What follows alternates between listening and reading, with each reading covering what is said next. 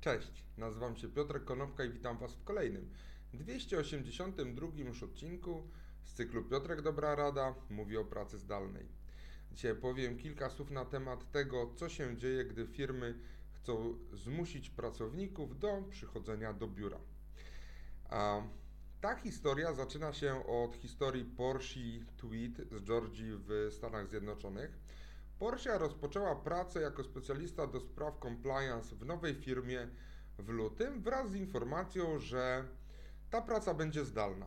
Natomiast zaczęły pojawiać się spotkania stacjonarne. W maju dostała zaproszenie na kolejne spotkanie stacjonarne. Ubrała się, znalazła opiekunkę dla dwójki dzieci, pojechała do biura i poszła na to spotkanie. Spotkanie trwało całe 6 minut. Porsche w tym momencie rzuciła papierami. Ciąg dalszy tej historii będzie na koniec odcinka. Firmy takie jak e, Google, czy Ford, czy City obiecują dużą elastyczność, ale niektórzy prezesi tęsknią za starymi czasami. Chociażby wspominany przeze mnie kilkukrotnie już David Solomon z banku Goldman Sachs, czy Jamie Dimon z JP Morgan i Chase. Y, I ci prezesi twierdzą, że praca zdalna to tak naprawdę nie jest praca. Wszyscy będą pracować tylko wtedy, gdy oni jako prezesi będą nadzorować bezpośrednio tą pracę pracowników pracujących w biurze. Ale pracownicy wiedzą swoje. Zeszły rok pokazał bowiem, że wiele rzeczy można wykonać zdalnie z pominięciem tego dojazdu do biura. Niektórzy się przeprowadzili, inni natomiast nie chcą wrócić do biura, bo boją się nieroztropnych kolegów, nie dbających o szczepienia czy nie zachowujących zasad dystansu społecznego. Ale na razie jest za wcześnie, żeby opisać tą e, rzeczywistość postpandemiczną.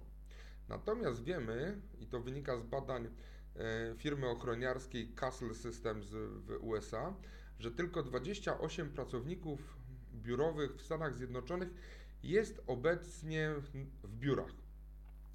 Ale natomiast, gdy te powroty przyspieszą, gdy firmy zaczną decydować się na e, zachęcenie pracowników do powrotu do biura, to być może ci pracownicy w ogóle nie będą chcieli wracać. Majowe badanie firmy Morning Consult na zlecenie Bloomberga, e, Bloomberg News e, na tysiącu, na próbie tysiąca osób w Stanach Zjednoczonych pokazuje, że 39% pracowników rozważy zmianę pracy, jeżeli pracodawca nie będzie elastyczny w ogóle co do pracy zdalnej. Ale widać bardzo dużą różnicę pokoleniową, ponieważ 49% i milenialsów i 49% osób z pokolenia Z nie chce wracać do pracy stacjonarnej. Niektórzy prezesi zaczynają to dostrzegać.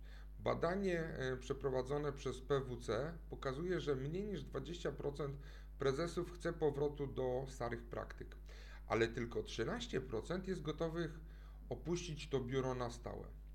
Jakie są inne historie pokazujące, że pracownicy jednak nie chcą powrotu do biur? Jamie Hendricks jest to programista w jednej z firm w Holandii.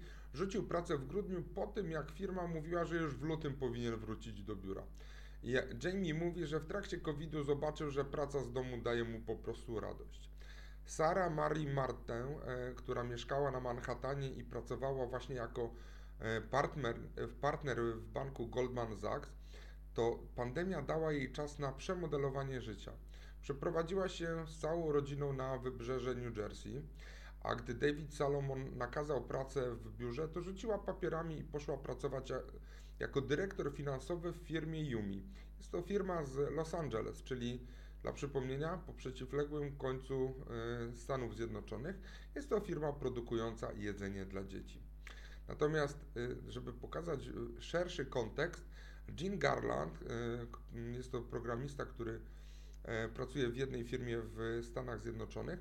Miesiąc temu wrzucił tweeta na temat podobnej sytuacji w jego firmie, że ludzie odchodzą w momencie, gdy firma mówi, że trzeba przyjść z powrotem do biura to obecnie ten tweet, bo nawet dzisiaj sprawdzałem, ma ponad 700 komentarzy, ponad 140 tysięcy polubień i ponad 14 tysięcy udostępnień. Co znaczy, że ludzie myślą bardzo podobnie, dzielą się swoimi planami co do zmiany pracy, właśnie pod wpływem tego, że firmy każą wrócić do biura. A Portia Tweet, od której zaczął się w ogóle cały ten dzisiejszy odcinek, już znalazła pracę. Jest specjalistą do spraw compliance e, w nowej firmie w Waszyngtonie, ale rekruter, który z nią rozmawiał, zadał jej pytanie, co się musi stać, żeby podjęła pracę w firmie, którą ona reprezentuje. Odpowiedziała, że praca powinna być w 100% zdalna. I odpowiedź była natychmiastowa, tylko i wyłącznie zdalna. Dzięki serdeczne, do zobaczenia i usłyszenia w poniedziałek po długim weekendzie. Na razie.